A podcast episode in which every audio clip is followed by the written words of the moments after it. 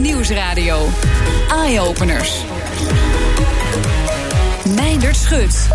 Misschien voelt het alsof 3D-printen een hype was die nu wel weer zo'n beetje over zijn hoogtepunten heen is. Maar niets is minder waar. Volgens onze gasten van vandaag zijn we nog maar net begonnen. En een van die gasten is Tibor van Melsum Koksic van het bedrijf Dimanex. Een van de, deze mensen die druk bezig is met 3D-printen, business van heeft gemaakt. Uh, Tibor, op wat voor manier zijn jullie bezig met 3D-printen? Oké, allereerst goedemiddag Meindert. Ja, ja. Uh, hoe zijn wij binnen me, bezig met, uh, met 3D-printen? Wij gebruiken 3D-printen als middel um, in een, in een supply-platform wat we gebouwd hebben om onze industriële klanten eigenlijk te helpen, zodat ze geen voorraad meer hoeven te hebben van service en spare parts. Oké, okay, want wat is het verschil dan met de, laten we zeggen, de oude manier van werken en jullie manier van werken? Nou, de, de, oude manier van werken is dat een, neem een bedrijf dat huishoudelijke apparaten produceert. Die hebben voorraad liggen over de hele wereld. Nadat een apparaat of machine niet meer op voorraad, uh, niet meer in productie is. Ja. Um, en moeten dat soms voor tien jaar lang doen. En nou, je kunt je voorstellen, dat ligt overal. Uh, niemand weet of die parts echt nodig zijn. Het grote verschil met onze manier van werken is wij digitaliseren die onderdelen. En we kunnen ze dan eigenlijk on-demand ergens op de wereld printen oh, waar ja, ze, ze nodig zitten zijn. eigenlijk in de cloud. Absoluut. Het, uh, het ontwerp en uh, het is één druk op de knop en dan uh, poept de 3D-printer het onderdeel uit. Zo, zo gaat het eruit zien. ja, absoluut. Ja. Nee, dat is zo. ja, dat, dat, dat is. Ja, oké. Okay. Heb je ook wat meegenomen? Wat jullie ja, ik heb, maken? ik heb twee onderdelen mee, meegenomen. Eén, ja, ik kan het niet, niet laten zien natuurlijk. Nee, maar je kan het wel voelen natuurlijk. Je kan het, je kan het voelen. Ja. Dat is, een, dat is een, zoals je ziet, een, een knop van een, van een gasfornuis. Oh ja, ja herkenbaar. Um, en nou, de use case hier, om, om hem heel even concreet te maken, is dat, dat bedrijven de, de, de, de, zeg maar de, de, de producent van dit apparaat op enig moment twee of drie van die knoppen nodig heeft. En als ze kijken naar hun, uh, hun systeem, dan moeten ze er 500 bestellen. En in de er oude situatie. In de oude situatie. Ja, ja, ja. En hebben er misschien nog maar vijf of tien nodig. Oh, nou, het okay. grote voordeel is hè, voor de klant, voor de OEM's, is de OEM's de maakbedrijven, de, de fabrikanten, de fabrikanten dat, ze, dat ze eigenlijk die voorraden niet meer aan hoeven te houden. Um, ze hoeven het niet weg te gooien. En in het kader van duurzaamheid wordt dat steeds belangrijker. Um, de lead time, oftewel de tijd die je nodig hebt om die onderdelen op de plaats van bestemming te, maken, te krijgen, is ook veel korter. En je kunt precies bestellen wat je nodig hebt. Ja, wat op welke uh, plekken in die supply chain, zoals het dan mooi heet, ja. levert dit dan allemaal voordelen op? Uh, dat levert op een aantal plekken uh, in de supply chain voordelen op. Allereerst voor de klant, want die heeft zijn onderdeel. Dus ik ja. van de klant gaan we terug. Voor de klant het grote voordeel is dat, dat, dat hij zijn, zijn reserveonderdeel sneller heeft. En dit, dit, in dit geval een huishoudelijk apparaat, maar datzelfde geldt voor liften en uh, heftrucks en dat soort dingen. Want die moeten gewoon gebruikt worden, of een, of een tractor. Um, verder in, in de supply chain kijk je naar de, de hoeveelheid werk en handelingen die er nodig zijn. Logistiek om voorraad van A naar B te brengen, interne logistieke handelingen, ja. die eigenlijk niet meer nodig zijn. Uh, financieel heeft het nogal een impact, want uh, voorraad is eigenlijk is dood geld, zoals, zoals, dat vaak, ja. zoals het vaak genoemd ja. wordt. Dus ook de, de, de financiële afdelingen binnen bedrijven zien dat ook met, uh, ja, met, met veel plezier tegemoet. Dat, dat de hoeveelheid ja. werkkapitaal gewoon fors omlaag gaat. Ja, precies. En als die voorraad niet verkocht wordt, dan, dan gaat het weer de shredder in. Bij ja, wijze van spreken. Dan moet dat, dat weer vernietigd worden. Dat is dus afgeschreven. Dus ja. uh, geld wat weg is. En daarnaast in het kader van de duurzaamheid uh, ook niet de slimste nee. oplossing. Nee. Uh, nou, zou ik wel te kijken naar de kwaliteit. Want daar zit rondom die 3D-printer nog wel een vraagteken bij veel mensen. Is de kwaliteit van wat er uit de 3D-printer komt van dezelfde kwaliteit als ja, het ouderwetse proces, zou ik maar zeggen. Ja, dat is een heel dat veel, van, van de vorige eeuw. Ja, ja, ja. Heel veel gestelde vraag. Um, die ga ik zo goed mogelijk proberen. Het antwoord, het antwoord is ja. Um, wat wij doen is wij, wij zoeken alleen die onderdelen uit, industriële onderdelen, die dus functioneel inzetbaar zijn, die ook voldoen aan de specificaties. Ja. En er is op dit moment al heel veel mogelijk. Er zijn ook dingen die niet kunnen. Hè, dus metalen en kunststofonderdelen, die kunnen. De, de die combinatie kunnen ervan. Of, nee, ja, oké, okay, sorry. Als, ja. als, verschillende materialen, ja, okay. dus materialen, kunststoffen, gecombineerd kan nog niet. Uh, maar een, een metaalonderdeel of een kunststofonderdeel kan prima geprint worden en voldoen aan de technische specificaties, want dat is, dat is wat je vraagt. Ja, ja, ja. Um, die ontwikkelingen gaan, die gaan steeds verder.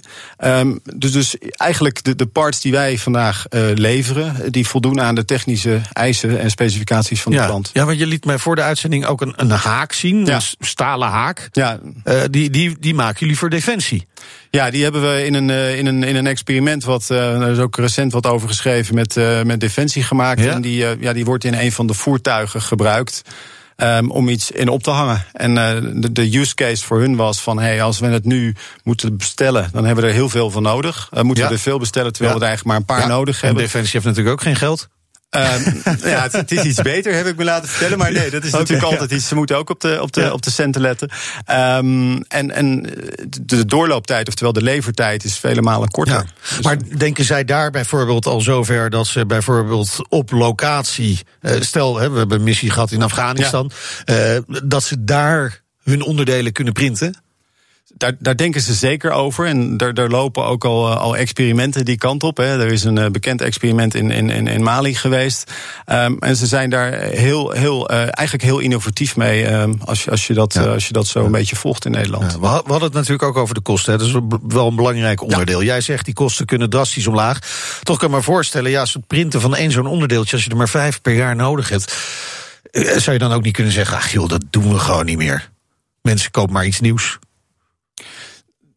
dat, daar is een omslagpunt. Hè. Als je even ja. een voorbeeld, als je naar een elektrische tandenborstel zou kijken, dan kan ik me voorstellen dat je die afweging maakt. Hè, van dat, dat ga ik niet doen. Nee, ja. Um, de manier waarop wij middels de, de supply chain data en de, de analyses die we voor onze klanten, voor onze maak, de, de fabrikanten maken, naar, naar, die, naar die informatie kijken, is, is iets anders. We kijken naar de totale kosten. Hè, de kosten voor voorraad, kosten voor opslag, ja. uh, weggooien en dat soort dingen. Dus uh, dat verandert het plaatje eigenlijk al heel drastisch. Ja. Um, Daarnaast is het zo, als je het hebt over een, een, een heftruck of een lift. En ik was vorige week bij een, uh, bij een, een, klant van ons die produceert liften. En die moeten de liften soms tot uh, 80 jaar nadat ze afgeleverd zijn onderhouden. Oké. Okay. En als een, een stilstaande lift, uh, die, die werkt niet. Dus dat betekent dat of in een kantoorgebouw of in een hotel. moeten de mensen de trap nemen? Ja. Mensen de trap moeten nemen. gezond. Ja, ja, ja, best gezond, maar ja. niet, niet geheel volgens de nee, nee. Dus daar, daar is eigenlijk de, de, de casus misschien niet meteen de kosten. Maar is het eigenlijk meneer de waarde die het, die het onderdeel vertegenwoordigt. In, in, in, in, deze, in dit geval in een use case. En, en dit, dit heeft dan te maken, zoals wij dat in mooi Engels noemen, downtime. Oftewel, iets werkt niet meer nee. en het moet zo snel mogelijk weer aan het werk. En dan is 3D-printen een buitengewone goede oplossing. Ja, en ook in de liftindustrie is 80 jaar natuurlijk een hele lange tijd. Die ontwikkeling gaat zo snel Absoluut. dat inderdaad onderdelen waarschijnlijk gewoon niet meer. Uh, dat het geen zin heeft om die onderdelen te maken in grote aantallen. Nee. En soms, en dat is misschien nog een aardige daarop inhakend, soms is het ook zo dat de leverancier, de oorspronkelijke leverancier, er niet meer is. Oh ja, dat kan natuurlijk ook. Um, en dan is de vraag van ja, hoe gaan we het doen? Ja. Nou, dan, en dan biedt ook uh, een 3D. Maar ja, heb heb, je, heb je dan onderdelen van 80 jaar oud in jouw database staan? Nee, wij hebben, wij hebben nooit onderdelen in onze database die niet van ons zijn. Dus de, de database die wij gebruiken is ja. altijd de database van de fabrikant. Oké, okay. maar heeft die ze dan digitaal? Uh, in een aantal gevallen wel, en dat is Echt prettig. In ook, een aantal ook van dat soort oude... Soms wel, maar okay. soms ook niet. En op het moment dat hij ze niet heeft, dan, dan, dan is er een mogelijkheid om, uh, om die onderdelen te scannen. En ah. dan, dan, gebeurt er nog een kleine truc, en dat noem je dan in mooi Nederlands reverse engineering. En dan, dan wordt er eigenlijk een digitaal model gemaakt van een 80 jaar oude onderdeel. En um, dat wordt dan alsnog geprint en afgeleverd. En dan wordt het weer een perfecte staat, komt het uit de 3D-printer. Ja. Uh, hebben jullie dan ook een hele grote ruimte lood staan vol met gigantische printers waar dit allemaal uitkomt? Nee, dus dat is een, dat is okay. een onderdeel uh, van, van verrassing van het, uh, van het Diamondex, uh, Diamondex avontuur. We hebben heel bewust gekozen om niet te investeren in printers. Maar we hebben wereldwijd, en dat is op dit ogenblik op 35 locaties in de wereld. In Amerika en in Europa hebben we um, ja, hubs, printerfarms, of in ieder geval ja. professionele printerfabrieken. Waar mensen zijn die echt weten wat ze aan het doen zijn. en die produceren de parts. Die zijn gecertificeerd door ons. Okay. Dus we kunnen ook in het kader van jouw kwaliteitsvraag ja. de kwaliteit leveren die ze verwachten. Kijk, straks gaan we het met onze andere gast hebben over wat er in zo'n printer gaat. Om uiteindelijk die onderdelen eruit te krijgen. Voor nu dankjewel Tibor van Melsum Coxis van Diamond De toekomstmakers. Stappen we heel even uit het 3D-printen en in de kerstsfeer. Die uh, feestdagen kunnen voor sommige mensen best lastig zijn. Niet iedereen is namelijk omgeven door familie en vrienden. En juist voor die mensen, in dit geval in de Bijlmer... hebben studenten van de Hogeschool van Amsterdam iets bedacht... wat hun wellicht een klein beetje kan helpen. Wij hebben het concept buurten bedacht. Uh, dit is een concept van uh, zes media, informatie en communicatiestudenten van de HVA... En wij hebben dit concept bedacht omdat de eenzaamheid in de Bijlmer erg heersend is. En wij willen graag met ons concept de buren in de Bijlmer stimuleren om elkaar uit te nodigen met kerst. Zodat we uh, mensen de eerste stimulans kunnen geven om contact te zoeken met iemand anders. En vanaf dat moment zal het verdere contact makkelijker gaan. Die stap lijkt me inderdaad best wel moeilijk voor mensen om te nemen. Ja, hoe, ga, hoe gaat eh, jullie project hier aan bijdragen aan die eerste stap? Nou, we hebben met een psycholoog gesproken. En eh, deze psycholoog heeft ons gezegd dat inderdaad de eerste moment van contact vaak het moeilijkst is voor mensen die eenzaam zijn. En ehm, wij hopen door middel van. We hebben een fysieke uitnodiging gemaakt die mensen kunnen ophalen op verschillende plekken in de Belmer. Deze kunnen buren invullen. En eh, zo krijg je dus echt een soort kerstkaartje met daaraan een kerstster in de brievenbus. Dus het is heel persoonlijk. Dus je wordt heel persoonlijk aangesproken door een buur die je al wel waarschijnlijk al wel eens in de straat hebt gezien. En we hopen dat dat eh, de buur kan overhalen om toch eh, bij een buur aan te schuiven. Ja, het is eigenlijk een heel klein gebaar, maar hopelijk Ja. met heel veel effect. Ja, klopt. En we hebben eh, posters en social media kanalen en die zetten we allemaal in om en een commercial om, de, om dus de buren te stimuleren een buur uit te nodigen. Ja, want meestal weten die zelf wel wie er op de verdieping of in de straat of in de omgeving degene is die dat wel zou kunnen gebruiken. Ja, precies. Maar ook eh, als een buur zelf alleen is en die zou het fijn vinden als iemand anders erbij komt, dan is dat natuurlijk ook een mogelijkheid. Dus het is niet alleen maar dat de eenzame mensen worden uitgenodigd, maar mensen die eenzaam zijn kunnen zelf ook iemand uitnodigen. Ja, ja, en blijven jullie ook betrokken een beetje bij dat vervolgtraject? Wij zagen er heel erg tegenop om. We hadden het een beetje het idee dat we daarna de buur heel erg zouden laten vallen. De psycholoog heeft ons gezegd dat we dat niet zo moeten zien en dat we het vooral bij hunzelf moeten laten. Dus wij proberen het wel eh, te stimuleren, maar op het moment van uitnodigen en dat soort dingen zelf, dat is echt voor hun. En op het moment dat de buur een eenzame buur heeft uitgenodigd, dan kunnen ze zich aanmelden bij de website. En dan krijgen ze van ons een gratis spelletjesbox thuis gestuurd. Dus in dat opzicht zijn we er dan toch wel nog een beetje bij betrokken. Je hoorde collega Carlijn Meiners in gesprek met Lopke Zwarter van de Hogeschool van Amsterdam.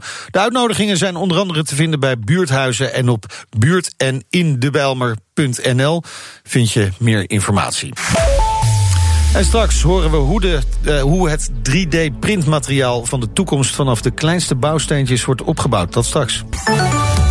BNR Nieuwsradio. BNR Eye-Openers. We hoorden net hoe 3D-printen er al voor zorgt dat voorraden eigenlijk overbodig worden. Maar laten we nu gaan kijken naar het materiaal dat gebruikt wordt in die printers. En daar gaan we het over hebben met eh, Jasper Middendorp van Reflow. Welkom Jasper, leuk dat je er bent. Eh, eh, Reflow, wat, wat doen jullie precies op het gebied van 3D-printen? Wij maken duurzame 3D-printmaterialen. Dus Ja. eigenlijk de grondstof voor 3D-printers. En dat maken we van gerecyclede petflessen. Oké, dus gewoon de, de, de flessen cola, Fanta, water die wij allemaal gebruiken.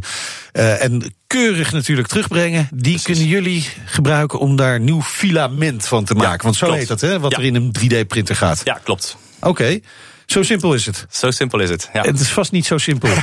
het is wel ingewikkeld om met gerecyclede stromen te werken. Eh, en daar hebben we de afgelopen twee jaar hard aan gewerkt. Eh, en wij verkopen onze materialen met name aan designers die weer eindproducten maken. Oké, Dus oké. ja. Ja, Ehm, want, want eh, we hebben het nu dus over eh, petflessen die je terugbrengt naar een soort originele staat. Die je dus als, als, als eh, materiaal voor de 3D-printer eh, kunt gebruiken. Maar er zijn ook andere mogelijkheden.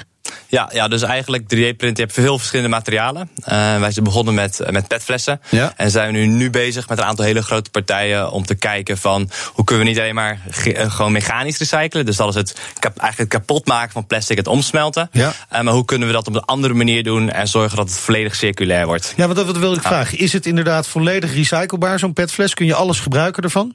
Eh, van een petfles wel, de dopje en de, de etiketten eh, niet. Dus het, eh, dat is het ingewikkelde ervan. Ja. Eigenlijk het grote probleem met plastic is nu dat we vaak verschillende typen plastics aan het mengen zijn. Met ook verschillende smeltpunten, dus die kan je eigenlijk nooit meer samen gebruiken. Nee, nee. Ja. Dus, dus eigenlijk moeten we aan de voorkant nog wat dingen oplossen om het helemaal circulair te maken.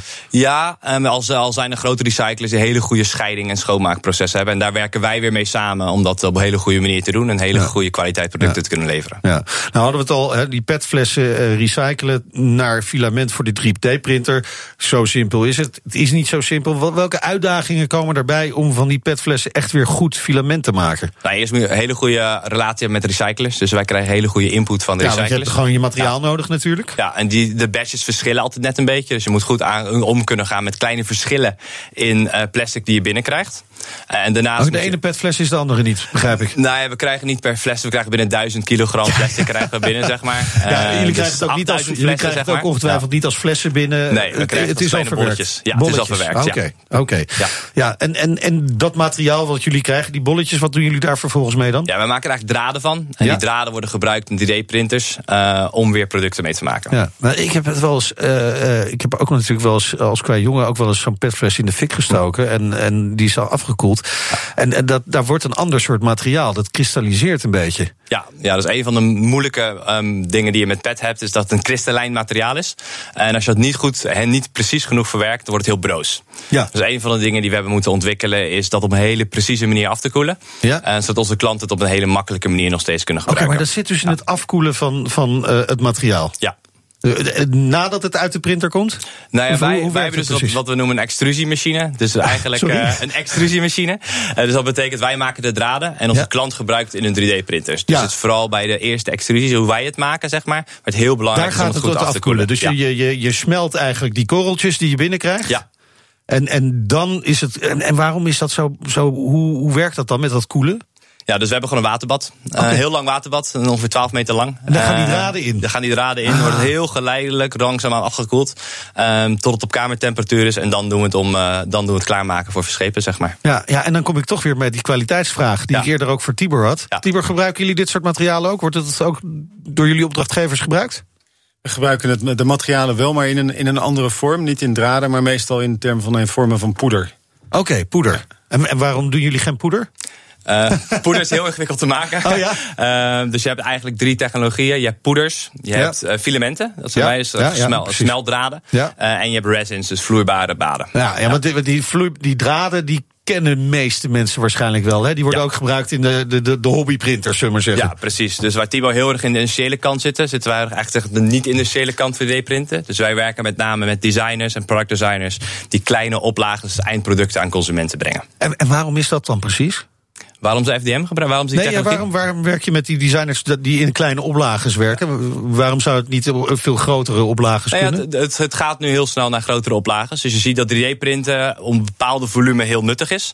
En bij onze klanten zie je dat vaak in 1000 tot ja. 5000 stuks volumeproductie, zeg maar. Ja. Daarboven zie je dat, dat 3D-printen gewoon niet tegen de kostenreductie uh, nee, op kan okay, van, precies, van dus, dus la, lage aantallen, dan, dan kan het dus wel als het kwalitatief goed product is. Ja, precies. En, en dan kom ik toch weer even terug bij die kwaliteitsvraag. Ja. Want je ziet toch wel eens bij de gerecyclede producten dat ja. de kwaliteit toch wat minder is. Hoe zit dat hiermee dan? Ja, wij, onze klanten merken geen verschil okay. tussen nieuw of gerecycled plastic. Dat is iets wat we, uh, waar we veel voor getest en ook veel, uh, ja. veel mee ontwikkeld hebben. Ja. Jullie zijn ook bezig met nieuwe technieken? Ja, ja dat is een, een van de dingen waar we mee bezig zijn. Is, dat heet chemisch recyclen, maar is veel minder vies dan het klinkt. het klinkt heel uh, naar gelijk inderdaad. Een, een, magnetisch proces oh. waarbij we met een aantal partners hier in Nederland, onder meer een van de grootste petproducenten ter wereld, bezig zijn om in plaats van mechanisch te recyclen. Waar je eigenlijk dus kapot maakt, probeert om te ja, smelten. Ja. Het helemaal terugtrekt tot de bouwstenen. En dan vervolgens weer als een nieuw plastic opbouwt. En dan okay. heb je nul kwaliteitsverlies. En dat kun je oneindig aantal keer doen.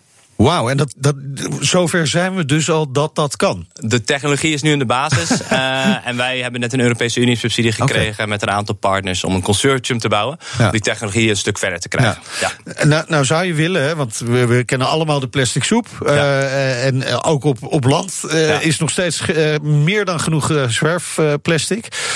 nou hebben we in Nederland dat recyclen van plastic nog wel redelijk op orde. Mm -hmm. Maar er zijn ook heel ja. veel landen waar dat echt helemaal misgaat. Ja. Kunnen jullie daar ook wat doen? En we zijn oorspronkelijk ooit begonnen met een project met de Wereldbank in Tanzania. Oké. Okay. Uh, en daar merk je dat er heel veel gedaan moet worden aan de recyclingkant. Uh, ze zijn al met partners daar nog steeds bezig. Um, maar dat is iets wat wel wat verder ligt, denk ik. Ja. Uh, maar daar, uh, daar is inderdaad heel ja, veel probleem. In India zijn jullie ook bezig? In India zijn we ook, ja. Ja, ja en daar, daar is de recyclingindustrie wel een stuk verder. Echt waar? Ja. Gaat goed daar? Gaat redelijk goed daar. ja, ja, heel veel, grappig genoeg, heel veel van het plastic dat je in Afrika verzameld wordt, wordt daar naartoe verscheept voor verdere verwerking. Oké, okay. ja. nou, ook weer zo'n supply chain dingetje dat we misschien Precies, nog een keertje ja, heel, moeten gaan heel, oplossen. Supply chain, ja. Heel spannend. Dankjewel ja. uh, voor je komst naar de studio. Jasper Middendorp van Reflow. BNR Nieuws Nieuwsradio. BNR Eye Openers. Meindert Schut. En dan is het alweer tijd voor de beste technieuwtjes vanuit de hele wereld. En daarvoor spreken we zoals elke week met tech- en innovatie-expert Elger van der Wel. Welkom Elger. De feestdagen komen er weer aan. En je hebt zowaar een technisch snufje gevonden dat daar perfect bij past, toch? Ja, um, autofabrikant Ford uh, ja. die heeft een soort geluidswerend hondenhok gemaakt. Oh. Kun je gewoon binnen neerzetten. Het is handig voor oud en nieuw, omdat honden dan geen last hebben van al het geknal als ze Ah, erin ja, gaan ja, liggen. Het werkt een beetje als een noise cancelling headphone. Er zitten eigenlijk een soort microfoons aan de buitenkant die vangen het geknal van het vuurwerk op, het geluid. En een ingebouwd audiosysteem stuurt dan ja, eigenlijk tegenovergestelde frequenties uit in het hok om dat geluid eigenlijk te niet te doen. Het is helaas nog wel een prototype en ook wel een beetje een marketing stunt daarmee. Want hondenhok komt helemaal niet uh, op de markt voorlopig en maakt gebruik heel slim van de noise cancelling technologie van de Edge SUV van Ford. Ah ja, natuurlijk. Lekkere marketing. En uh, misschien kan het andersom ook werken dat je een blaffende hond erin stopt. Maar goed, als we het toch over autofabrikanten hebben, BMW en Porsche, die hadden deze week ook nieuws. Ja, het gaat om een uh, onderzoeksproject waar BMW en Porsche aan meedoen. Er is een prototype uit voortgekomen voor een nieuwe laadpaal voor elektrische auto's. Die is onthuld in, in Duitsland, dichtbij dus. Het moet de elektrische auto's razendsnel kunnen opladen tijdens een korte pitstop is het idee. De onderzoekers die claimen dat het laden drie keer zo snel gaat wow. als bij de toch al supersnelle superchargers van, uh, van Tesla. Snel kunnen bijladen is natuurlijk belangrijk voor de toekomst van elektrische ja. auto's. Dat je even lang snel even kan, uh, ja, kan tanken eigenlijk, maar dan met stroom, zodat je weer verder kan. Er is alleen nog wel één probleem. De auto's die op dit moment op de markt zijn, die kunnen nog niet zo snel opladen als uh, de laadpaal aankomt. Dus in de praktijk kunnen we er nog niks mee.